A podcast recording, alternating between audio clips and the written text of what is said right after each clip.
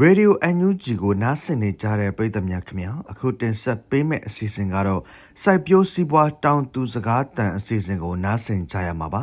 ရှမ်းပြည်တောင်ပိုင်းမှာဘိန်းခင်းတွေကိုပေါ်တင်စိုက်ပျိုးလာကြပြီးအာနာသိန်းအကြမ်းဖက်စစ်တပ်ကမျက်ကွယ်ပြုထားတယ်လို့ခရီးတွာလာကြသူများနဲ့နယ်မြေဒေသကျွမ်းကျင်သူတွေကပြောဆိုလိုက်ကြပါတယ်ဒီသတင်းကိုမကြေးမုံကပေးပို့ထားပါတယ် ရှမ်းပြည်တောင်ပိုင်းဟိုပုံးမြို့နယ်မြို့ရှောင်လန်းတောက်လျှောက်လမ်းပေးဝဲရမှာ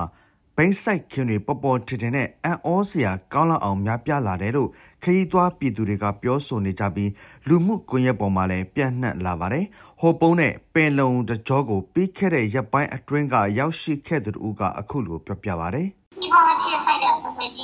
ဟိုပုံးမျိုးရဲ့ကိုရလေးဖရားရဲ့အနောက်ကျောကနေစပြီးတော့နော်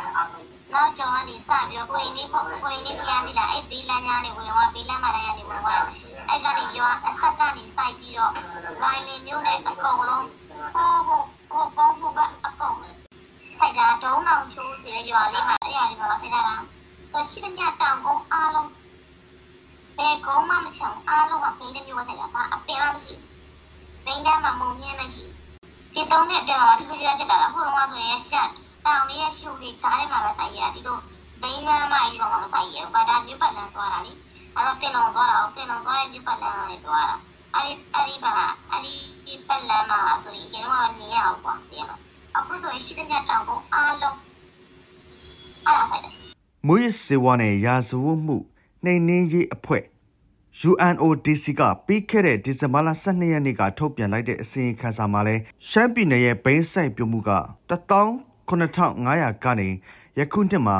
site ဧက3500လောက်မြင့်တက်လာတယ်လို့ထုတ်ပြန်လိုက်ပါတယ်။အာနာသိန်းအချမ်းပတ်စစ်တပ်ရဲ့အုပ်ချုပ်ရေးဌာနတွေရှိပေမဲ့ဘိန်းဆိုင်ခင်းတွေကအခုလိုဘာကြောင့်ပေါ်ပေါ်တင်တင်စိုက်ပျိုးလာကြတာပါလဲ။ရှမ်းပြည်တောင်ပိုင်းတကြောကိုနှက်ဆက်ကျွမ်းကျင်သူတို့ကတော့အခုလိုသုံးသပ်ပါတယ်။စိုက်တဲ့ area တော့ကိုလိုရှမ်းတောင်မှာဆိုလို့ရှိရင်ပို့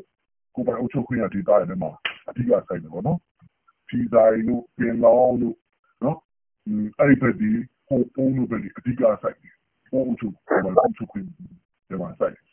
ပြီးလို့ရှိရင်ဒီရှမ်းတောင်ရဲ့တချိုးတွေပေါ့ဘယ်မှာရှိတဲ့ကိုလိုဟိုဟိုပေါ့အာပင်လုံးတို့ပြီးလို့ရှိရင်ပင်လုံးတို့လဲချားတို့ဒီလားမိုင်းကိုင်တို့ဒီအဲ့ဒီဘက်ဒီလည်းအဓိကစိုက်တယ်အဓိကကဘယ်ဘက်မှာသွားပြီးအဓိကစိုက်တာလဲဆိုလို့ရှိရင်ဒီဒီဟိုအောင်းဆောင်ကြီး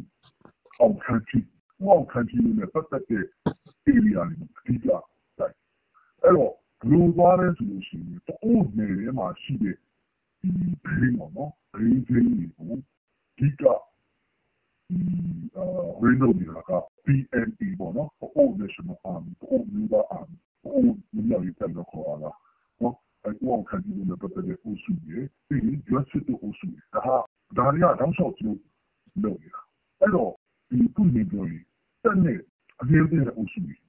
တိုက်ပွဲမဖြစ်တဲ့အုပ်စုတွေအဲ့ဒီစုတွေကအဓိကပြီးကိုဒီမှာဒီမှာတိုက်တယ်တယ်ရ